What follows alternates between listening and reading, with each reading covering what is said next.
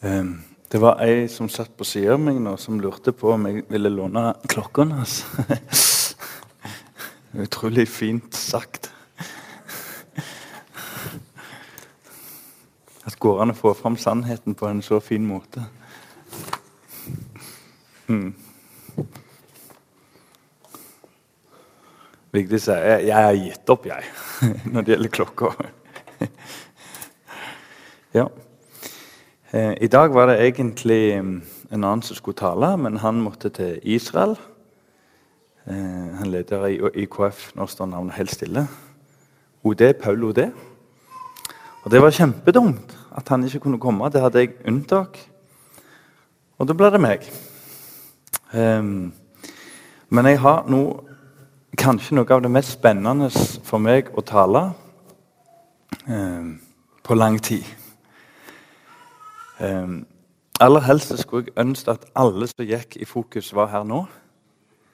For jeg tror, jeg tror virkelig jeg har, jeg tror jeg har fått noe. Ikke det at talen nødvendigvis er så svær og, og, og voldsom og gild, og sånn, men fordi at det, det går mer på viktigheten av det som vi skal snakke om i dag. Og um, Ja. Men så syns jeg det, som Elgen Egil så bra sier det, så flott å se at det likevel kommer så mange i en vinterferie. Utrolig flott å se dere alle. Et lite poeng. Klarer vi å komme fem minutter før? Eh, det hadde vært knall, altså. Fordi når vi begynner her klokka halv, så er det nesten tomt. Har dere sett det? Og så får vi gjerne gjester. Og det er jo ikke kjekt når gjestene kommer før vertene. Det er bare en sånn liten ting. Og det er akkurat det vi skal snakke om i dag. Formaninger. For det var jo en formaning, dette. Var det ikke det? Det er formaninger. Og I Bibelen så står det masse om formaninger. Men jeg tror jammen vi må be. Herre Jesus, nå ber vi om stillhet. Ikke fra deg, men ifra verden. At du verner oss og kaller oss og lokker på oss, sånn at vi får et lyttende hjerte. Så det er så godt her å vite at jeg skal slippe å stille meg fram med sterke meninger. Jeg skal få lov å lese fra ditt ord så ber jeg, Herre, om at spesielt ditt ord, eh, dine skriftsteder, får plass eh, hos meg, hos alle som er her inne. Og så ber vi nå for søndagsskolen. Herre Jesus, at de kan få eh, verdens fineste samling med deg, Jesus, kongen, midt iblant dem. Sånn at når de snur seg og ser tilbake i livet, så sier de at eh, Gud ikke lov at jeg fikk være med på søndagsskolen. Ber for Jon Eine og alle disse andre søndagsskolelederne. At de kan få ha vekst og glede i arbeidet. Amen. Ja um, før vi får opp uh, et bibelvers her, så har jeg lyst til å utfordre deg på mennesker du kjenner, som du har sett dårlig utvikling på. Enten raskt, at noe skjer, og så ser du at det, det, det liksom blir feil. Det går feil vei. Eller over tid så ser du at noe er uheldig. Og så er det ingen som sier noen ting. Og til slutt så blir presset så stort at baktalelsen og den uheldige omtalelsen er nesten uunngåelig. Ikke for å rettferdiggjøre den, men presset bygges opp. Og frustrasjonen og i bunn og grunn nøden for den det gjelder, er så stor at eh, noen må en snakke med dette om. Men så er det ukultur. Fordi at den det gjelder, får aldri del i dette. Og hvem er det det gjelder? Jo, det er jo alle her inne. Det er én ting som er flott med talen i dag. Det er det at det, det gjelder 100 alle som er her inne. Det er ikke de og den. For det er dette livet som vi lever på jord. Og Bibelen snakker om å helliggjøres. Og Bibelen snakker om å bli mer lik Jesus. Og så ser vi at ting går feil vei med hverandre, og så blir det stilt. Um, og så kan det være en annen situasjon. Du ser et menneske som har mista gløden, eller kanskje står alene om en ting. Og så sitter ordene så langt inne. Formaninger er mange ting. Det er òg å sette mot i hverandre. Og så kommer aldri ordene ut. Og så har jeg erfart som pappa hvor langt inne det kan sitte å formane ungene mine på det viset. Rett og slett å sette mot og trøst og veiledning for mine egne unger på en god måte. Så dette her, det gjelder i menighetslivet, det gjelder i samlivet, det gjelder i familielivet, det gjelder på jobb, og hjelper meg hvor det gjelder på jobb. Men det som også er litt rart, det kan jeg bare nevne før vi får bibelverset. Mange arbeidsplasser har lagd systemer for dette. Det var litt rart. Her om dagen så hadde en lege som var i Tveita gulv, et ark der en kunne fylle ut forskjellige ting. Hva ansatte mente om det og det og det. Og jeg tror at der er det mye å ta tak i. Det var kjempebra. Mens i menighetslivet, der er det knapt systemer for, som det heter. Formaninger og ta tak i ting og tang. Ordspråkene 27 og vers 5. Dette er et vers som jeg har vært litt inne på en stund nå. Eh, og jeg tror ikke dere er blitt lei det, for det er altfor godt til det. Ordspråkene vers, eh, kapittel 27 og vers 5, hvis vi kan få opp eh, det etter hvert. Eh, men jeg har Ja. Åpenlys ja, det er den gamle oversettelsen. Åpen, gamle, altså. Den forrige, ikke den aller nyeste. Åpenlys irettesettelse er bedre enn kjærlighet som holdes skjult. Jeg har litt lyst til å fortsette på dette, eh, som vi snakket litt om i høst. Hva står der her? Det står jo, for den som kan lese litt, mener jeg Vær forsiktig med åpenlys i rettesettelse. Det står jo på et vis det. For det er bedre enn. Det betyr at det er ikke sagt alt om dette. Det er ikke sånn at du bare kan irettesette folk sånn uten videre. Bare dundre i vei hvordan du vil, når du vil, til hvem du vil når det passer deg. Det er bedre enn står der. Med andre ord, en skal tenke seg om. Og I Bibelen så står det om langmodighet, tålmodighet osv. Men altså, hva er det det er bedre enn? Kjærlighet som holdes skjult. Denne kostløse kjærligheten Eh, jeg fikk så vondt av. Når jeg hørte det, det reiv meg i hjertet. Og jeg mener at sånn kan du ikke oppføre deg mot et annet menneske. Jeg kjente bare hele meg ble reven opp. Ja, det er noen som bare kjenner hvordan de reagerte når andre mennesker sto i en situasjon. Og Til syvende og sist så var det ikke omsorg i det hele tatt. Det var i bunn og grunn bare din eller dens reaksjon. En sånn skjult kjærlighet der en egentlig lekker litt ut for at andre skal se jeg er jo et menneske. Jeg er jo romslig. Ja. Og ofte kan det være en romslighet på bekostning av andre. Jeg husker når jeg tok opp dette i høst, så eh, husker jeg min fars eh, frustrasjon en gang. Han var av den skolen, lærer, som ikke skulle innlemme familien inn i, inn i, skolens liv og virke av de ting som vi ikke hadde noe med. Men en gang så lagt ut av han. Han klarte ikke å holde seg. Et sjeldent øyeblikk.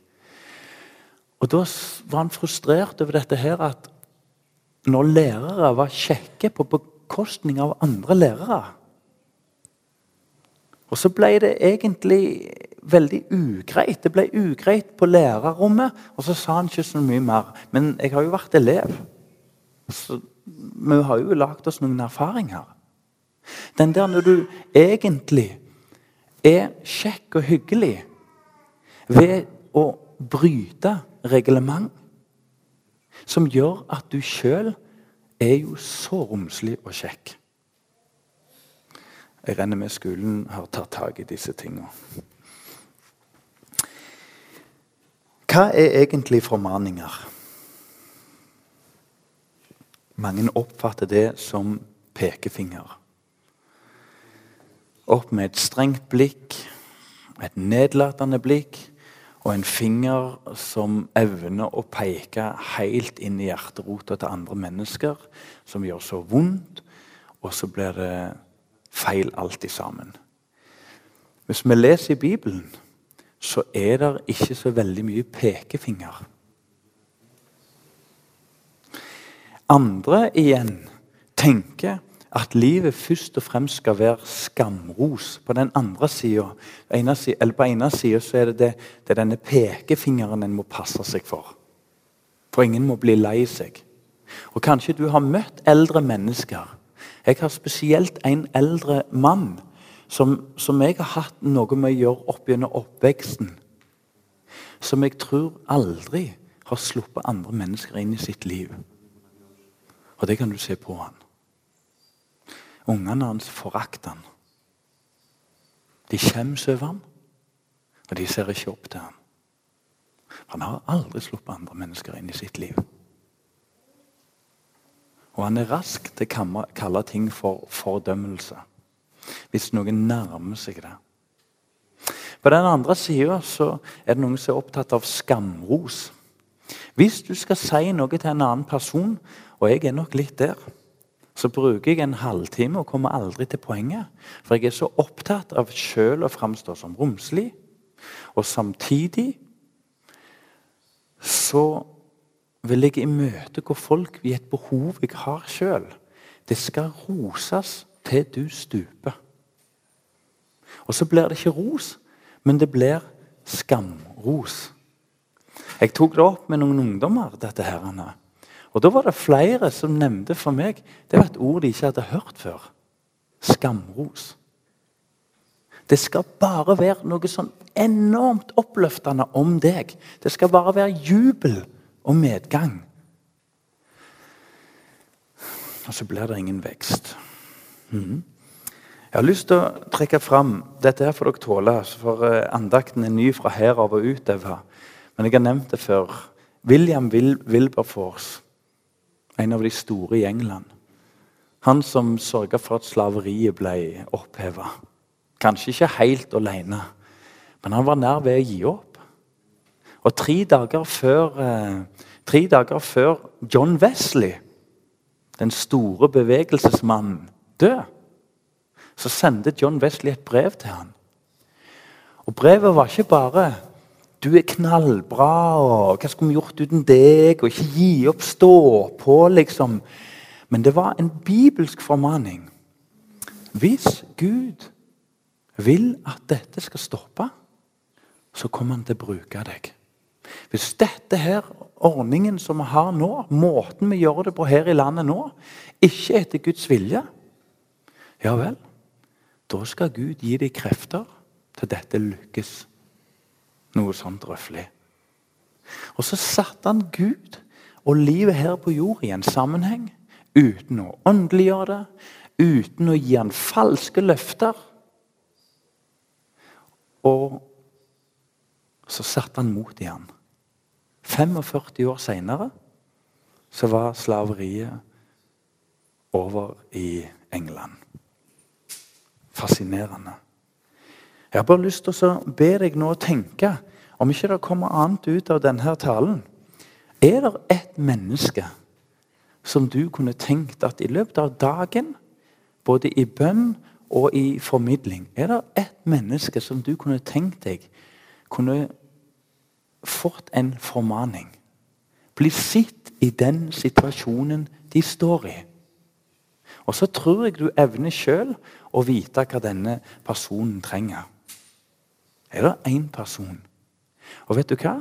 Det er mennesker som går gjennom et helt liv aldri uten å få noen som helst respons av dypere art i sitt liv. Um, hvis vi får opp 1. Korinterbrev kapittel 10 og vers 23 uh, Og 1. Korinterbrev kapittel 10 og vers 23. Uh, jeg har lov til alt, men ikke alt gagner. Jeg har lov til alt, men ikke alt oppbygger. Her lever vi. Mitt spørsmål er trenger vi formaninger av hverandre. Trenger vi det? Vet du hva? Det er jo her vi lever. I en verden der alt er mulig, alt er lovlig. Og så er det ikke nødvendigvis sånn at du og jeg har falt i en dyp, dyp synd. Men vi lever mellom det som er lov, og det som ikke gagner. Ikke sant? Det er jo akkurat der vi lever. Det du kan for så vidt gjøre, og det er ikke galt. Men så blir det galt. ikke det der vi lever? Det trenger ikke bare være 'det skal du ikke gjøre'. Så visst trenger vi formaninger i verden, men ikke under verden. Jeg har lyst til å trekke fram Eh, jeg vet ikke om du har hørt denne vendingen. Det er forskjell på å snakke om frelse og til frelse. Det kan vi tenke på når vi vitner for hverandre. Det er forskjell på å snakke litt om det og snakke på en sånn måte til at det leder til frelse. Det er forskjell på å snakke om formaninger og til formaninger. Skal vi prøve på hverandre et par formaninger nå? Om du tør være med. Før vi gjør det så har jeg lyst til å be deg om å skjerpe tanken din på noe. Og det er to ting. Det ene Vær tidlig ute med formaninger. Det har 40 år lært meg òg. Når du venter enten i ditt eget liv eller med et annet menneske, så blir det så tungt å komme i gang. Noen ganger har sikkert du òg erfart at den du har tenkt på i lang tid Prosessen er kommet for langt. Det har skåret seg. Det har forherda seg. Akkurat som med stålet. Det er bare leire du kan ta om igjen og om igjen og om igjen, og leira mister ikke sin kvalitet. Visste du det? Men stålet, det forherder seg. Sant? Du varmer det opp. Du står foran et menneske som er i en situasjon, og så gripes ikke sjansen. Og det kjenner jeg i mitt liv. Så mange mennesker, så mange situasjoner. Så mange åpenbare spørsmål, åpenbare ting. Og så holdt jeg meg vekke. I Titus kapittel 2 og vers 15 så Eh, hvis vi lar, eh, får opp det, så kan vi se altså, Det første vi leste, det var det at det er bedre med direkte konfrontasjon. Du er sånn og sånn. Og jeg tenker på noen personer her i menigheten som har den evnen å komme bort. Ja, men Aslak Og så må jeg liksom stå til rette for noe jeg har sagt eller noe jeg har gjort. Og det er sunt. Ja. Eh, jeg kan bare nevne en ting. Vi har en vannskuter. Ungene har en vannskuter. Og det var ikke lov. Og Så kom det noen og så trakk litt i det. Og så kjente jeg jeg ble så eitrende sint. For nå, altså Jo flere lover, jo flere lovbrudd, tenkte jeg. En legger jo opp til dette.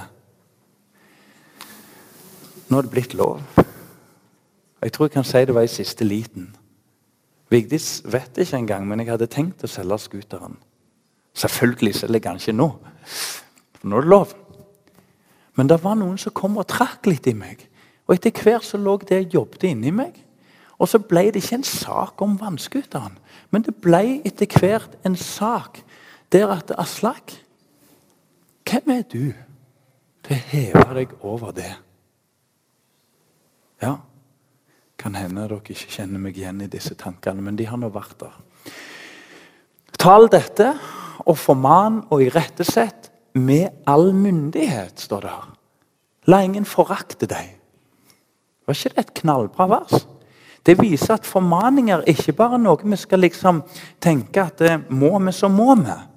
Men her har vi en sånn paulinsk tenkning som er offensiv. Med myndighet. Og hvilken myndighet? Det er jo på Guds ord, det. Hvis ikke har du ingen myndighet. Da er det jo din myndighet. Da er det det du syns, og det du mener, og det du tenker. Men det må jo bli sånn at til slutt så må Bibelen få rett. Og, og, og, og, da kan jeg si det sier ikke Bibelen. Eller det har jeg lyst til å minne deg på fra Bibelen. Både til oppbygging og håp, som sangen var inne på, og av og til til irettesettelse. Som vi skal være forsiktige med. Og Så kommer punkt nummer to. Så det er altså Punkt nummer én det er at vi er tidlige og med myndighet. At ikke vi tenker kan jeg, 'Hvem er jeg til å komme her nå?' Kan jeg si noe om den?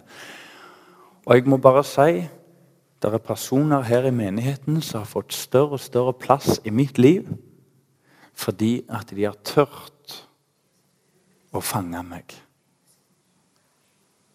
Å holde meg og si sånn og sånn og sånn. Eller oppbygge. Og Så kommer det andre punktet. La ingen forakte deg. Når vi skal irettesette hverandre og formane hverandre, så er det så viktig å skille mellom dom og forakt. Dom og forakt. Hvis ikke du er klar det, vet du det, da er det bedre du lar være. For da blir det ei suppe av lov og evangelium. Djevelen han er ikke rettferdig. Han kjenner ikke rettferdigheten. Han forstår ikke rettferdigheten. Han er urettferdighet i sin skapning. Djevelen forakter mennesker. Du er en dårlig pastor, Aslak. Så det er bare mann og ball. Fei det av banen. Du, tjenesten din, alt. Gud tenker ikke sånn. Bibelen tenker ikke sånn. Den vil til kjernen i problemet. Dømme hjerte og sjel. Og skille mellom pastoren og det som ødela for pastoren. Når du og jeg treffer mennesker, så skal vi bare være klar over én ting. At å dømme et annet menneske For det står du skal ikke dømme verden, for verden er allerede dømt. Men du skal prøve din kristne bror og søster så er egentlig det å imøtegå deres verdi. Fordi du ser noe som elgen var inne på, noe som en sau så. Og så var det ikke elgen som var så håpløs og verdiløs og, og, og, og verd å kaste. Men det var det han gjorde. Ja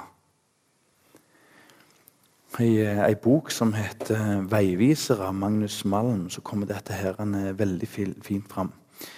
En dom bygger på at man erkjenner menneskets verdighet og ansvar. Dommen er konkret og skiller mellom synden og synderne.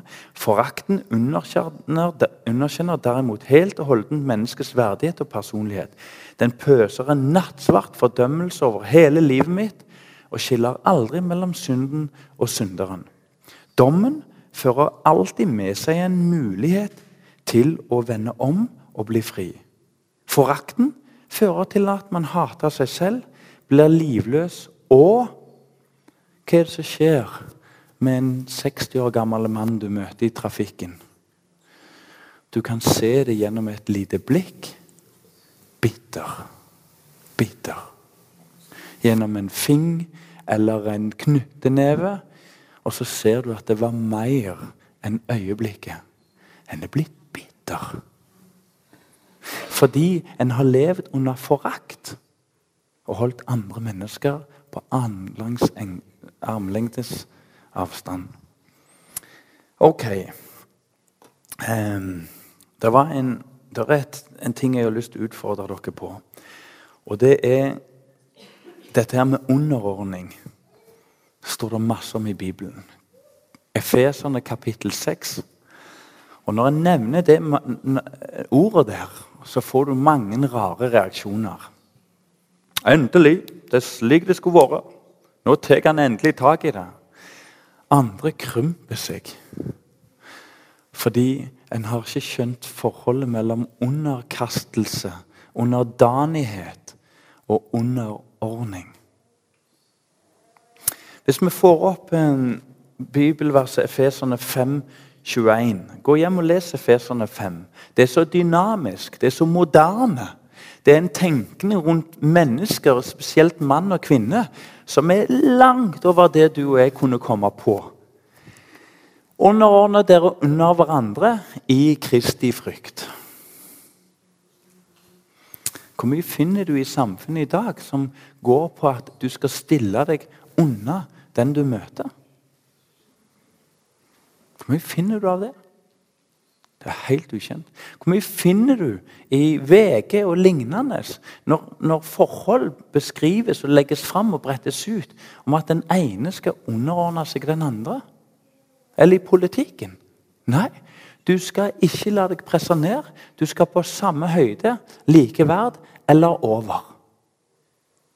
Minimum likeverd. Det er bare ett dilemma med likeverd. Og jeg gjentar dette er ikke en politisk tale. Det er ett dilemma med likeverd. Den tar ikke roten av problemet. Egoismen. Se på underordning. Det betyr at vi stiller oss unna hverandre. Vi kappes ikke om å være lik eller være over eller være altså, Vi vet jo vi har av og til sikkert tenkt òg Når to personer finner hverandre, gifter seg og blir i lag, så har vi tenkt at du, de to personene matcher ikke hverandre godt. Den ene vil, vil, ikke stå til den andre. Og Det er ingen ukristelig tanke. Det har jo slått deg òg. Det er jeg helt sikker på. De to passet ikke så godt i sammen. Det er ikke det vi snakker om. Vi snakker om tanken at du putter deg sjøl unna den andre. Jeg har erfart sammen med Vigdis hvor stor den kampen er. Men hvor flott det er å se at Vigdis er større enn meg. På mange vis. Kanskje ikke på alle vis, men på mange vis. Å få erkjenne og beundre at Vigdis er ikke lik meg, men hun er større enn meg. Og at Vigdis har mer forstand på mange vis og innsikt og evner enn meg. Hvorfor skal jeg likestille meg med Vigdis? Hvorfor ikke underordne seg? Det er en tanke som er så fremmende. Bjørn Donebauer han har jeg også nevnt. Han er svensken. Han var liksom deres Åge Samuelsen, bare litt seinere. Hele Sverige var berørt av han. Og han delte sine visjoner. De fikk innsyn i alt han tenkte, unntatt hans liv. I dag er Dono Bauer en bitter mann. Det har han skrevet om i aviser. Han falt, han synda grovt, og han drev et dobbeltliv. Mens han delte alt, men ingen fikk dele noe inn i hans liv. Han underordna seg ikke noen som helst. Ingen skal komme her. Og vet du hva? Jeg tror at mange kirker lider.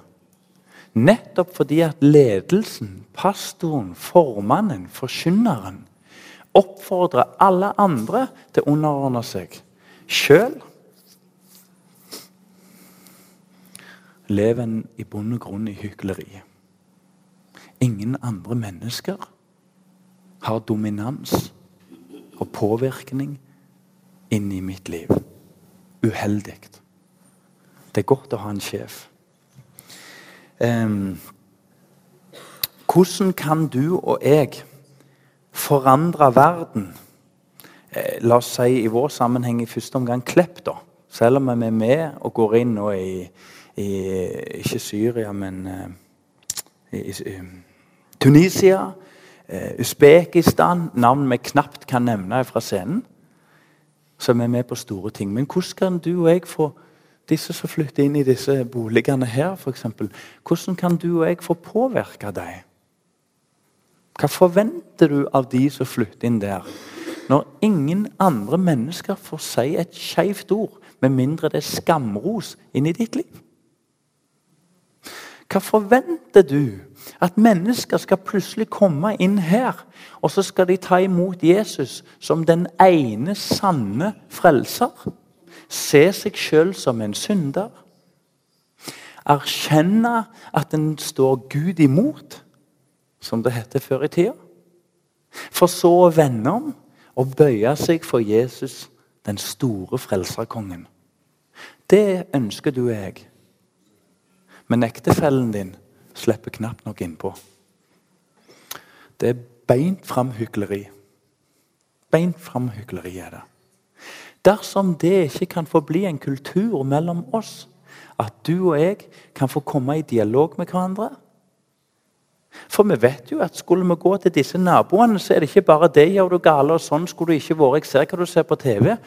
Det er jo oppmuntring og veiledning og undervisning og lytting og samtale. Men det må andre mennesker få gjøre med deg òg. Ellers så tror jeg vi kommer til å se en tapping av forsamlingen her som er uunngåelig. Jeg har lyst til å si det rett ut. Jeg har gode, nei, mange erfaringer fra Tananger. I fellesskapet så endra mange av ungdommene livssyn og måter å tenke på. Og så endra foreldrene teologi etter hvert som barnet endra livsstil. Ingen sa noen ting. Og at det er variasjon og endring, det jo, kjenner vi fra Bibelen. Uenighet og kanskje òg ubibelskhet. Ja. Men det var ikke det som felte Tananger. Nå er ikke Tananger en katastrofe, altså. Jeg må ikke få det inntrykket. Men erfaringer fra egen oppvekst og et ungdomsarbeid som bare smuldra forsvant. 150 ungdommer var med. Hvordan kunne det gå an? Jeg har tenkt så mange ganger hvordan kunne det gå an? Flere ting. En av de viktigste. Foreldrene formante ikke hverandre. Verken til oppbyggelse eller irettesettelse. Det ble stilt. Og så kom skammen snikende inn.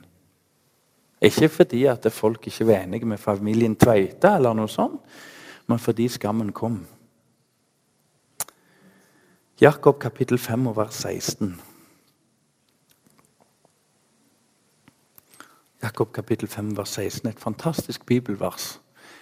Der kan vi lese litt der kan vi lese litt hvordan Bibelen tenker om det å bekjenne for hverandre. Bekjenn derfor deres synder for hverandre, og be for hverandre. For at dere kan bli helbredet. Tenk at det ligger helbredelse i, i kommunikasjon med hverandre. Har vi ikke erfart det fra ekteskapet for den som sitter fast i det? Har vi ikke erfart det? Helbredelsen der ligger i å bekjenne ting for hverandre. Her om dagen så måtte jeg bekjenne ting for min eldste sønn. Og jeg tror jeg kan si at det var Det var rystende at jeg skulle måtte bekjenne for mine unger. At det jeg gjorde, var ikke rett.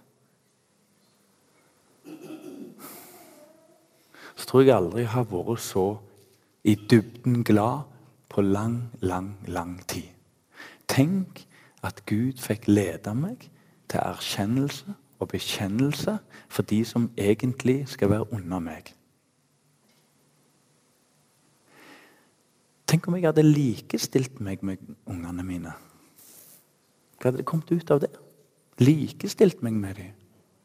Nei, det hadde ikke tatt roten av elendigheten. Og hva er roten av elendigheten? Det er jo hovmotet. Skal jeg? For i den situasjonen vi var i, som dere er i, hele gjengen, velkommen alle. Om ikke du er der, så kommer du der. Det var diskusjon om det ene og det andre, lekser og ene, alt som et familieliv innebærer. Det var jo ikke vanskelig å vite hvem som hadde trødd uti det. Det var ikke meg. Men så enkelt var ikke bildet. Så enkelt var ikke bildet. Og så lå lykken i å underordne meg. Til og med mine egne unger. Men for en kamp, altså. Så her ligger det helbredelse. Bekjenn derfor syndene for hverandre. Og Jeg har lyst til å stille deg et spørsmål. Hvorfor er du så flink til å bekjenne synden for Gud, men ikke for andre mennesker? Er det i bunn og grunn fordi du har et skeivt gudsbilde? For du tenker at det ikke er så nøye med han som er hellig, som er vredefull og hater all synd? Mens de som er rundt deg, familien din, menighetslivet ditt Da må ingen få vite noen ting som helst. Hva slags gudsbilde er det du har? Hm? Å bekjenne for hverandre er frigjørende. Det er ikke alt som skal si søkt, og det er ikke alt som skal si til andre. Og skuffelsen kan en oppleve i, i, i det å bekjenne for hverandre.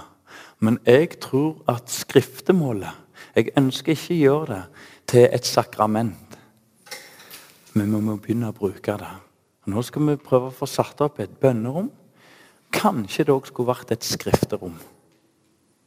Bekjenne synden. Kanskje du og jeg går egentlig til Gud. Fordi at det har egentlig blitt en plass å få syndenes fortsettelse på. Kanskje du og jeg skulle gått til et menneske for å prøve oss sjøl om det er vilje til å bekjempe det som ødelegger i ditt og andre menneskers liv. Mm. Langt inne sitter det. Men her er det et flott uh, bibelvers, altså. At dere kan bli helbredet. Jeg tror jeg tar opp en ting til slutt, siden vi er i det hjørnet. Um, jeg glemte en bitte liten detalj her. Uh, når vi snakker med hverandre, og den er viktig Når vi snakker med hverandre, så har jeg tenkt litt på gjennomslagskraften vi har for hverandre så har jeg av og til merka at hvis jeg ikke når fram, spesielt i familielivet, så hever jeg røsten når argumentene er svake. Og så blir det ampert, og så blir det emosjonelt, og så blir det fastlåst og sånne ting. Har du tenkt på hva profetisk tale er? Det har litt med dette å gjøre. Profetisk tale er veldig inn i en del menigheter her i Rogaland. Hva er profetisk tale? Det står ikke så mye i Bibelen om at profetisk tale er ei sånn glasskule som noen har fått. Så skal de gå rundt og si til deg og si til den og den alt som skal skje i ditt liv. Alt er der framme. Da tror jeg du har bomma litt på profetisk tale. Kanskje jeg provoserer nå. Den dypeste profetiske tale er å tale virkningsfullt inn i andre menneskers liv. Visste du det? Vi har dessverre ikke tid, vi skulle lest mange bibelvers. Men den dypeste profetiske tale er ikke å framstå som en som sitter på noen hemmeligheter ingen andre vet om framtida.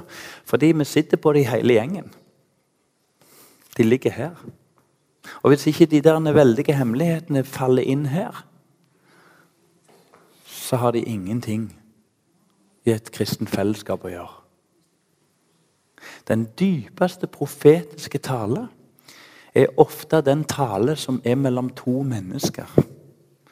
For det er ingenting som kan mislykkes og lykkes så voldsomt som nettopp det.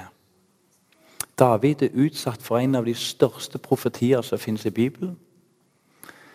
Det var ikke når han så og sang og satt i hula si i sin eh, frykt, og Gud besøkte han med den ene og den andre profeti. Den dypeste profeti i Davids liv. Når var det? Når David får besøk av en som heter Nathan. Og så sier han David, problemet med denne historien det er deg det gjelder. Hele denne samtalen, hele dette besøket, grunnen til at jeg kommer nå Jeg snakker egentlig om deg. Du er en løgner, David. Du er en morder. Du er en voldsmann. Og du er en forakt i det du gjør. Og så går han rett på det han gjør. Og så tar han tak i det som var problemet. Og så feier ikke Nathan hele mannen, men han dømmer han og prøver han i det som var problemet hans. Så David igjen kunne få bli fri og tjene Gud og tjene landet.